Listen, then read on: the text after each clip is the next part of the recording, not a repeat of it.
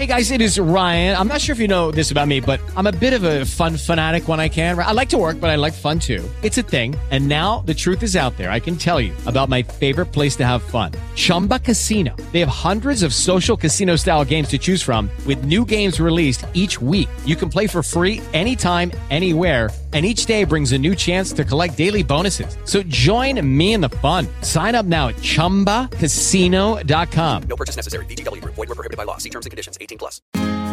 Du lytter til en Powermind podcast. Programmer, der øger din bevidsthed og styrker dit mentale immunforsvar. I studiet i dag er mentaltræner Jørgen Svendstrup med nøglen til din hjerne. Dagens lytterspørgsmål handler om relationer. Velkommen til det mentale spørgehjørne. Jeg hedder Jørgen Svendstrup. I dag er det dig, det handler om. Vi har nogle spørgsmål. Øh, I hvert fald et spørgsmål. Janne, hvad er det, vi skal, hvad er det, vi skal tale om i dag? Ja, vi har modtaget en sms fra Mogens, der bor i Herning, og han vil gerne vide, hvordan man spotter usunde relationer. Ja, det er jo et, øh, et vigtigt spørgsmål. Faktisk er det måske det vigtigste spørgsmål. Der er, der er dem, der mener, at øh, vi intet er uden vores øh, relationer. Altså, at vi intet er øh, alene. Øh, og det kvalificerer jo pludselig relationer til at blive ret afgørende for, den, øh, for hvordan vi, vi egentlig går og har det. Øh, forskningen den viser, at øh, de er som har øh, stærke, gode, tillidsfulde relationer, er betydeligt bedre rustet øh, i livet, end de er, som ikke har den form for, for stærke relationer. Og der er jo stor forskel på, hvor privilegeret vi er vokset op. Nogle er vokset op i, en, i et trygge familiemønstre med, øh, med meget vigtige, øh, øh forældre er altid vigtige, men med, men værdifulde forældre, som har, har været der og har været øh, skabt øh, tillid og, og, og har været medrejsende i hele kan man sige, barnets opvækst.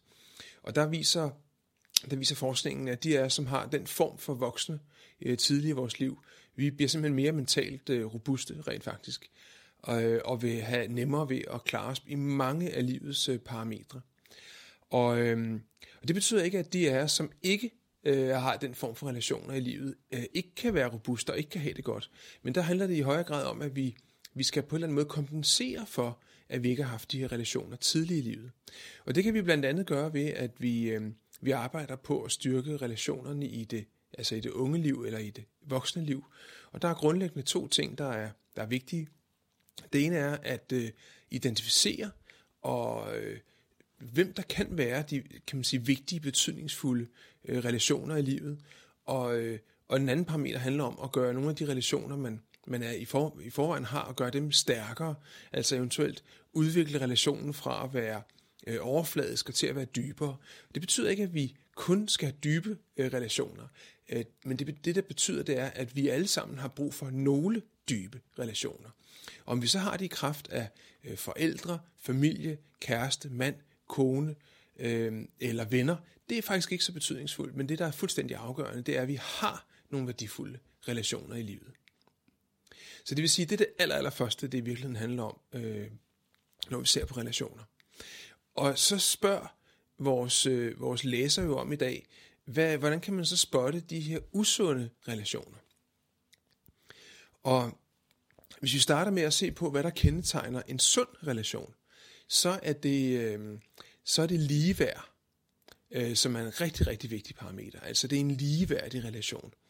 I en ligeværdig relation er der ikke en, der er afhængig af den anden. Det betyder ikke, at man ikke godt kan hjælpe og støtte hinanden naturligvis i en, i en vigtig relation. Men afhængighed er noget andet. Afhængighed er, når øh, den ene i højere grad klamrer sig til den ene, øh, eller omvendt. Øh, det vil sige, så pludselig så sker der et, en magtforskydning i relationen, og det er noget af det, der kendetegner en usund relation. Det er, når der er det modsatte af ligeværd, øh, men derimod et magtforhold. Vil du måske prøve at, at præcisere lidt mere, når du siger klamre sig til? Ja, øh, når der er en magt, altså en magt, øh, når der er magt i relationen, når den ene øh, forsøger at positionere sig selv i forhold til at have magten i relationen, så, øh, så rent faktisk, hvis vi går helt tilbage til det, til det gamle testamente, der står jo øh, der står rigtig, rigtig mange ting. En af de ting, der står, det er noget, som i dag for de fleste virker øh, meget uhensigtsmæssigt. Der står noget i retning af, at, øh, at kvinden skal lystre, skal begære sin mand, og manden øh, vil herske over kvinden. Og, og, og, øh, og når vi læser det i dag, så vil de fleste nok tænke, at det er fuldstændig ude i skoven. Øh, at det har ingen gang på jord, og det hører gamle tanker og gamle øh, traditioner til. Øh, og jo, kan man sige, hele øh, feminisme øh, øh, bevægelsen er jo i virkeligheden måske et manifest, altså er det modsatte af det her, altså at kvinden skal være manden under dagen. Øh, men som jeg ser det, så er det i virkeligheden ikke en lovmæssighed, der her står i det gamle testamente. Det er i stedet for en dom. Øh, og det, det jeg tænker, der ligger i det her budskab er, at når vi begærer en anden, så bliver vi pludselig underlagt den anden. Så er vi pludselig mulige at herske over. Og det vil sige, hvis vi øh, træder ind i en relation, øh, øh, som, som sådan en relation for eksempel, så begærer noget eller nogen, så står vi pludselig i en, i en underskudsposition. Og i det øjeblik, vi gør det, så vil den anden herske over os. Så har vi faktisk overgivet magten øh, til det andet menneske. Og der, det kan man se som lidt en, en relation, hvor den ene klamrer sig, altså en slyngplante til den anden, og gerne vil have opmærksomhed, eller gerne vil have kærlighed, eller gerne vil have øh, øh, sex, eller gerne vil have et eller andet, og hvor den anden er den, der har overskuddet, og giver det, og du ser det, og dermed i det øjeblik faktisk har magten. Og det tror jeg faktisk er det, som det budskab i det gamle testamente egentlig dækker over, og det synes jeg giver et helt, helt andet perspektiv. For det betyder, at vi så i stedet for at øh, træde ind i relationer, hvor, vi, øh, hvor der er den form for, øh, kan man sige, øh, magtmisforhold, skal tilstræbe at være i relationer, hvor der er ligeværd, og det er noget helt, helt andet. Men kan kærlighed ikke gøre blind på den måde, at, at vi simpelthen bliver, bliver blinde over for at se de her øh, øh, gerninger og de her tendenser, som vores partner kan have? Fuldstændig.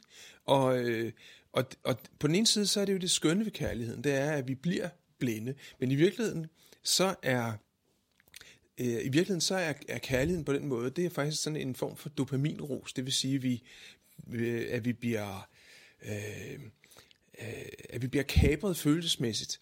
Og det er jo fantastisk, når det sker. Men du har fuldstændig ret i, at en kan man sige, bagsiden af medaljen kan være, at vi ikke ser, hvad det er for en relation, vi i virkeligheden øh, træder ind i. Og måske træder vi i virkeligheden ind i sådan en relation, hvor der er et, øh, et magtforhold øh, til stede. Øh, og i virkeligheden så kunne man, vi have en antagelse om, at sand kærlighed, øh, det er en relation, hvor vi elsker den anden tilstrækkeligt til at ture slippe den anden løs. Altså at give den anden øh, mulighed for udfoldelse. Hvor en afhængigheds, øh, en relation, der er baseret på afhængighed, vil have den modsatte, øh, øh hvad kan man sige, øh, vil, vil producere det modsatte øh, afkast, nemlig det, at jeg i sådan en relation vil forsøge at fastholde, eller for, forsøge at begrænse den anden. Og der kan jeg godt sige, at det er, fordi jeg, det er fordi, jeg elsker dig så meget, men spørgsmålet er, om det i virkeligheden er sand kærlighed. Om sand kærlighed ikke er at have så meget tillid til den anden, så jeg tør sætte den anden fri. Og, og dermed så taler vi pludselig om frihed kontra ufrihed, eller afhængighed kontra uafhængighed, eller kærlighed kontra øh, magtpositionering. Og i, øh, i min erfaring er der desværre rigtig, rigtig mange relationer, som faktisk er baseret på den form for magtforhold. Og, øh, og rigtig ofte så skyldes det, at, øh, at vi selv bringer noget med for vores egen barndom, hvis vi selv er opvokset i, en, øh, i relationer, hvor der har været øh, kan man sige, magtforhold. Altså hvor at der har været nogen, der har haft behov for at positionere sig selv i forhold til andre ved at demonstrere magt. Så vil vi typisk selv også bringe øh, den tendens videre ind i vores egne forhold. Og hvis vi ser os omkring i dag, så vil vi, hvis vi kigger godt efter, så vil vi faktisk se rigtig, rigtig mange forhold, som er såkaldt øh, usunde relationer, fordi de er baseret på en, en magtstruktur, hvor den ene holder den anden lidt nede, øh, og, øh, og begge parter er i virkeligheden afhængige øh, af relationen. Det er ikke kun den, der holder den anden nede, der er afhængig af relationen. Det er også den, der bliver holdt nede, der er afhængig af relationen. Og det skyldes en helt anden øh, mekanisme, øh, som vi kan komme lidt nærmere ind på. Men nu ved jeg godt, det lyder underligt, men kan nogen ikke gavnes af at blive holdt en lille smule i kort snor. Altså hvis vi får for lang snor, så, så gør man, har man måske tendens til at gøre noget, der, der ikke er hensigtsmæssigt over for den anden. Jo, og jeg kan sagtens se, øh, hvad du mener, Janne. Spørgsmålet er bare, om det er det der med at holde i kort snor, der er løsningen. Øh, dybest set, så kan man sige, at hvis, øh, hvis relationen, når relationen er baseret på tillid, øh, så betyder det også, at jeg har tillid til, at hvis du får lang snor, øh, så vil du ikke misbruge den lange snor. Ellers er kærligheden jo ikke gengæld, øh, gengældt. Kærlighed kan ikke kun øh, gælde den ene vej. Kærlighed er jo, et, øh, er jo per definition en relation mellem øh, i hvert fald to øh, mennesker. Og hvis det kun er den ene vej, kærligheden går, så er, det ikke, så er det ikke en kærlighedsrelation. Så er det noget andet. Men hvad nu, hvis det ikke er en selv, der gør den ved det, men en jalousi, der gør det? Fuldstændig. Og, og det tænker jeg i virkeligheden, du rammer hovedet på sømmet. Øh, fordi jalousi er jo et, øh, det kan være udslag af mange forskellige ting. Øh, men det er jo, er jo for eksempel, øh, vil typisk manifestere sig i en relation, hvor der vil være, hvor man ligesom binder eller holder hinanden fast. Øh, og derfor så er relationer, der baseres på jalousi, øh, ser, med risiko for at generalisere naturligvis, men når vi taler om det på den her måde, så vil jeg ikke, øh, så vil jeg ikke øh, hvad hedder det, mene, at det er en sand kærlighedsrelation. I den sande kærlighedsrelation eksisterer jalousien ikke. Der er der øh, gensidig tillid til stede, og i virkeligheden er tilliden måske selve kærlighedens væsen. Altså der, når vi har ubegrænset tillid til hinanden, respekt for hinanden, er der for hinanden, så taler vi om kærlighed. Ellers taler vi om noget andet. Men hvad nu, hvis man bare er et meget jaloux menneske? Hvordan kan man så tøjre den jalousi, og så få tillid i stedet for? Ja, øhm, og jeg tænker, at jalousi kan jo komme øh, mange steder fra. Jalousi kan jo handle om, at jeg øh, tidligere har oplevet svigt i mit liv. Så er det jo fuldstændig naturligt, at, øh, at, kan man sige, at angsten for svigt kalder på den adfærd, som vi kalder for jalousi. Og det vil sige, så, er der jo, så handler det jo grundlæggende om at få håndteret det, der står i vejen. Fordi der er jo ikke nogen, der er i relationer, der er usunde eller uhensigtsmæssige øh, med en dårlig hensigt. Vi har jo alt, alle sammen den bedste hensigt. Sagen er bare, at den adfærd, vi har i øjeblikket, den, øh, den har vi på baggrund af de overbevisninger, grundlæggende overbevisninger, vi kan have omkring os selv. Og der er øh, naturligvis rigtig, rigtig, rigtig mange af os, som har nogle overbevisninger med os, baseret på nogle, øh, nogle erfaringer, vi har haft med os, det kan være for tidligt i livet, øh, som gør, at vi, kan man sige, bliver kabret i en bestemt adfærd. Og sagen er bare, at i det øjeblik, vi har den adfærd, så vil det være udfordrende for kærlighedsrelationen. Altså det er simpelthen noget, som kan komme til at koste øh, kærligheden. Øh, fordi det kræver pludselig, at den anden skal agere øh, i forhold til den her jalousi. Og dermed så bliver den der frihed, som, som jo i sin idealtilstand bør være forudsætningen for sand kærlighed, så bliver den udfordret. Men hvad kan vi gøre for at komme af med den her jalousi og komme ud af den her kabring? Det jeg tænker, der er som udgangspunkt er brug for, det er et øh, personligt stykke arbejde. Øh, fordi det er sådan, at vi i virkeligheden, hvis vi, hvis vi ser på forholdet mellem adfærd og overbevisninger, så øh, er overbevisninger kendetegnet de ting, om øh, jeg tror omkring mig selv, som jeg tror er sande, baseret på nogle erfaringer, jeg har haft tidligere i mit liv. Øh, mit adfærd, min adfærd, det kan være tanker, det kan være handlinger, øh, det kan være de ting, jeg siger, de ting, jeg gør, de ting, jeg føler, er så et udslag, altså et produkt af mine overbevisninger. Så derfor kan jeg godt forsøge at arbejde med at øh, have en, få en ny adfærd. For eksempel, nu vil jeg ikke være så jaloux, øh, nu vil jeg vise tillid. Sagen er bare, at det ikke er super nemt. Fordi det er jo stadigvæk overbevisningerne, der styrer adfærden. Så det, der helt grundlæggende er øh, brug for, det er at gå ind og få arbejde med de overbevisninger, som øh, producerer den adfærd, som ikke er hensigtsmæssig. Og der er to veje, man kan gå. Den ene vej, det er at arbejde med det øh, kognitivt, altså bevidst. Det kan ske igennem terapi, det kan ske igennem coaching, altså igennem samtalen, hvor man bliver opmærksom på, hvad det er for nogle grundlæggende overbevisninger, der står i vejen, og får hjælp til at, øh, at ændre og opløse de her overbevisninger. Og der sker der det øh, meget kraftfulde, at når vi i virkeligheden øh, får en anden overbevisning, og det er fuldstændig muligt, øh, fordi vi, skal, vi er jo ikke født med de overbevisninger, vi har. Det er nogen, vi har fået på et eller andet tidspunkt. Og når det er nogen, vi har fået, kan vi også få nogle andre. Det det kræver, det kræver en indsats, det kræver et stykke arbejde. Men igennem samtalen, så er det faktisk muligt at ændre overbevisningerne, og dermed blive fritstillet til at få en anden øh, adfærd. Den anden vej, det er den, øh, kan man sige, ubevidste. Og det er den, man blandt andet arbejder med i øh, mentaltræning. Øh, fordi i det øjeblik, jeg har en overbevisning, så begynder der at komme nogle tanker. Tankerne, de er neurale forbindelser i min hjerne. Jo mere den, de samme tanker bliver gentaget, jo, jo, jo mere styrket bliver de neurale forbindelser i hjernen. Øhm, frygten for at miste tanken om, kan jeg nu stole på ham? De her, de her tanker, vi har, øh, og de følelser, vi har omkring jalousi for eksempel, det er noget, som vi i givet fald gentager og gentager og gentager. Det er noget, vi hører os selv sige. Det kan være, at vi gør det bevidst. Det kan være, at vi gør det ubevidst. Øh, men det, de har til fælles, er, at det alt sammen er neurale manifestationer. Altså simpelthen biologiske koblinger i hjernen, der bliver produceret på baggrund af de tanker og de følelser, jeg har. Det vi grundlæggende har brug for, det er at få nogle andre øh, neurale baner. Det er nogle neurale baner, hvor at jeg har øh, viser, hvor jeg har tillid, og hvor jeg tror på det andet, og hvor jeg ikke har brug for at have den der følelse, som også kan være, et, kan man sige, øh, vi kan også være afhængige af følelser. Så der er en sekundær gevinst i at have en, en misundelsesfølelse. Øhm, den kan give mig tryghed om, at jeg er, som jeg er, for eksempel. Så det vil sige, at det vi har brug for, er at få brudt de neurale forbindelser og koblinger, vi har i hjernen. Og det kan ske gennem øh, mentaltræning også, ved at jeg i virkeligheden øh, igen og igen får at vide ind i min, direkte ind i min underbevidsthed, at jeg er et tillidsfuldt menneske, at jeg kan have tillid til det andet menneske, at jeg tror på, at det nok skal gå godt, at jeg tror på, at, øh, at, mm, mm at, øh, at kærlighed handler om at sætte en anden fri osv. Så en masse af de modsatte tanker, som jeg ikke selv er i stand til at producere på baggrund af de overbevisninger, jeg har, men som jeg kan få tilført ude igennem mentaltræningen. Det vil gradvist ændre hjernens neurale struktur, og derved så vil jeg igennem så vil jeg automatisk begynde at kigge efter tegn på, at jeg kan have tillid til ham.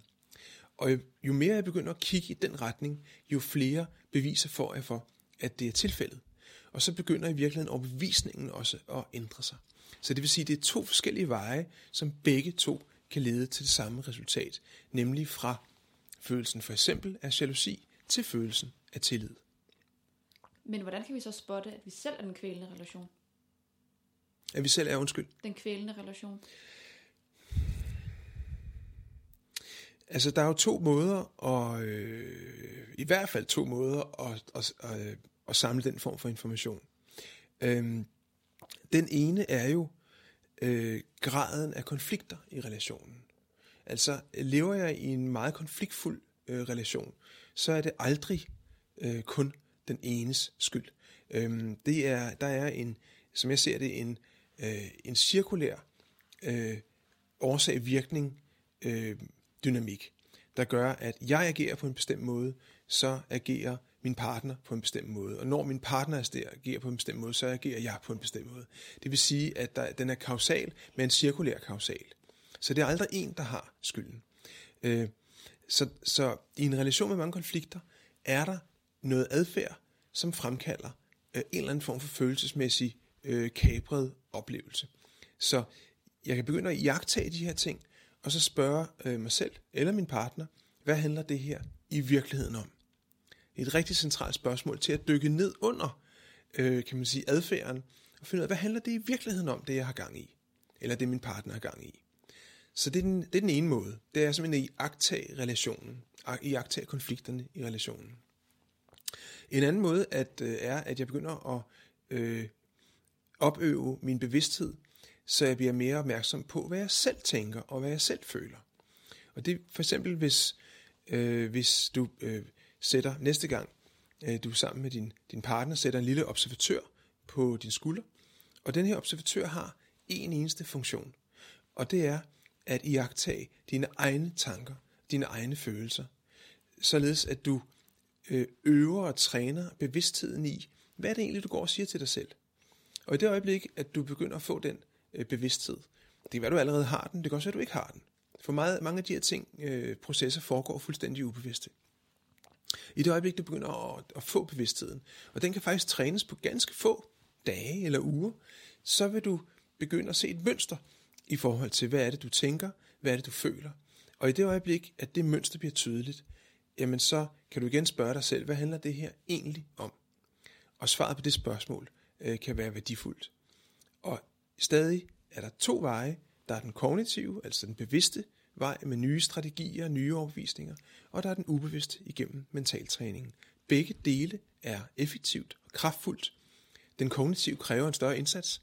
Øh, der skal jo, jo kan man sige, aktivt gå ind i projektet. Den ubevidste, altså gennem mentaltræningen, den vil for mange opleves lettere, fordi jeg kan nøjes med at sætte mig eller lægge mig på sofaen og lytte til en mentaltræningslydfil hver dag. Øh, få en morfar. Øh, og derigennem faktisk få øh, sundere relationer, bare ved at tage et øh, kvarter øh, om dagen på sofaen. Okay, og det er jo super interessant, men, men nu når vi så har spottet de her relationer, der ikke er sunde for os, kan du så hjælpe os lidt med, hvad vi gør for at komme af med dem, eller komme ud af den her relation, for at det ikke øh, skader os begge to? Ja, øh, og igen er der, tænker jeg, to, øh, en- der er en, den bevidste vej og den ubevidste vej. Der findes en dynamik, som hedder drama-trekanten eller offertrekanten, som øh, måske er en af de mest betydningsfulde øh, relationsdynamikker, jeg overhovedet kender til. Og ganske kort fortalt, så handler den om, at vi øh, ofte kan ryge i en af, af tre forskellige roller i relationen til andre. Jeg kan ryge i offerrollen. Øh, offerrollen, det er, det kender vi nok alle sammen, det er der, hvor vi ikke selv er skyld i noget som helst, men det er nogle andre, det handler om. Det er nogle andre, der er skyld i det, jeg, øh, den situation, jeg, situation, jeg er kommet i. Det kan være i øh, partnerskabet, men det kan også være på arbejdet, at jeg er i offerrollen og udsat for urimelig behandling. Det er meget trygt at være i den rolle, fordi det er jo ikke mig, det er jo ikke mit ansvar. Til gengæld er det også, øh, er det også immobilitet, det vil sige, jeg, kan ikke, jeg har ikke nogen mulighed for at gøre noget, for det er jo en anden, der skal gøre noget, før jeg kan få det bedre.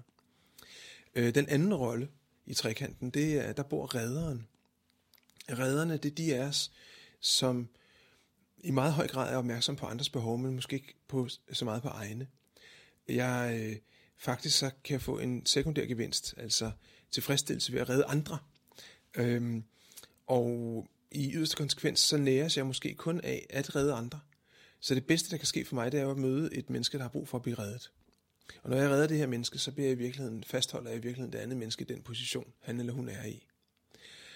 Øh, den tredje rolle i dramatrikanten er forfølgeren. Det er de af os, som øh, har på, behov for at positionere os selv ved at holde andre lidt nede. Øh, og i virkeligheden er alle tre positioner en form for ofre med forskellige strategier.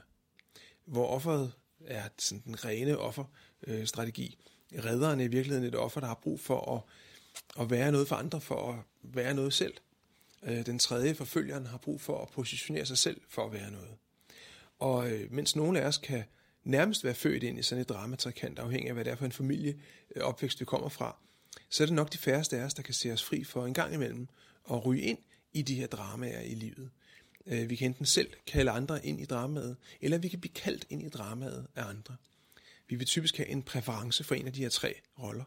Øh, og øh, når du ser på dine relationer, så vil du måske også kunne se, at du også træder ind i en eller flere af de her roller i forskellige relationer. Det kan være familien, det kan være i venner, det kan være på arbejdspladsen. Og øhm, nogle af os tilbringer rigtig meget tid i dramatrikanten, andre af os ryger ind og ud en gang imellem. Og sagen er, når vi er i dramatrikanten, så er vi kabret følelsesmæssigt. Og den klassiske er for eksempel relationen mellem ham og hende, hvor han slår hende. Øh, og hvis man spørger hende, hvorfor forlader du ham ikke? Så vil hun sige, øh, jamen øh, han er jo bare en stakkel. Øh, det er jo egentlig synd for ham. Og det er faktisk et typisk dramaadfærd i yderste konsekvens, fordi han er forfølger og kan sagtens se offeret bag ved redderen. Hun er redder og kan sagtens se offeret bag ved forfølgeren. Og hvis hun vælger at forlade ham, så er der en stor sandsynlighed for, at hun så bare finder en anden, øh, der også slår hende. Øh, fordi vi, øh, man skal ikke glemme, at alle parter i dramatrakanten er afhængige af den rolle, de har. Alle får noget ud af det. Det gør dog ikke relationen mindre øh, uhensigtsmæssig, for det er stadigvæk relationer baseret på afhængighed. I den uafhængige relation, der er vi uden for dramatrakanten. Det vil sige, at vi er ikke i, i offerrollen, øh, med nogen, uanset hvilken strategi vi har. Vi er frie og ligeværdige. Så, så derfor så kan man sige, at bare det, at jeg forlader et drama, altså forlader et forhold, der ikke fungerer, hvis jeg er ubevidst om, hvad det er, der foregår, så vil jeg jo typisk ryge ud i, en anden, i et andet tilsvarende drama, øh, i en anden relation. Så forudsætningen for at kunne frisætte sig selv er, et, at have kendskab til dramatrikantens dynamik. To, det er at være bevidst om det, når jeg er i relationen. Sådan så jeg faktisk kan, øh, øh og det her kommer observatøren ind i billedet igen. Ej, det var den anden skulder, den var på. Øh, observatøren, der siger, hey, nu er der nogen, der kalder på dig, kammerat, og hvad der ind i dramaet. Øh, det tredje skridt, det er at sige til sig selv, hey, den hopper jeg ikke på. Øh, jeg, ryger, jeg vil ikke ind i det her drama. Nu holder jeg mig neutral og udenfor. Og her er risikoen at ryge en af de andre hjørner af trekanten, fordi vi kan cykle rundt i den her trekant her øh, med forskellige adfærd. Øh, den, det sidste og fjerde trin til gengæld, det er at træde ud. Og øh, det er fuldt ud muligt. At træde ud betyder ikke at have drama-adfærd. Det vil sige ikke at have den tvangsprægede adfærd, der bor og hører med til øh, et af hjørnerne i dramatrikanten. Det må jeg sige, det er kloge ord. Der er, øh, der er nogle valg, der skal træffes, hvis, øh, hvis man sidder i det problemstilling i hvert fald. Der er valg, der skal træffes, og det er vigtige valg, fordi sagen er, at når vi er i dramatrikanten, så vil vi, øh, så er det typisk ikke kun os selv, det går ud over. Det er også vores, øh, dem, vi omgiver os med, det går ud over. Og det er også vores børn. Fordi selvom dramaadfærd ikke er arvelig, så er den kulturelt arvelig. Og det vil sige, at hvis jeg er i en relation, i en familie, hvor der er udpræget dramaadfærd, så vil mine børn typisk også lære fra barns ben og have en præference for et af de her hjørner i dramatakanten og kan bære den videre fra generation til generation. Så det er måske den aller, aller vigtigste relationsdynamik, der overhovedet eksisterer. Du har lyttet til en Powermind podcast. Programmer, der øger din bevidsthed og styrker dit mentale immunforsvar.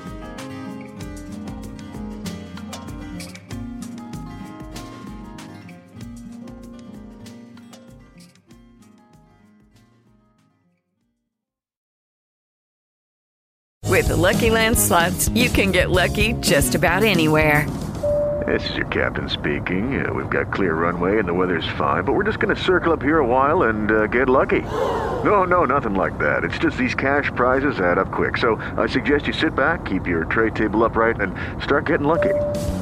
Play for free at LuckyLandSlots.com. Are you feeling lucky? No purchase necessary. Void where prohibited by law. 18 plus terms and conditions apply. See website for details.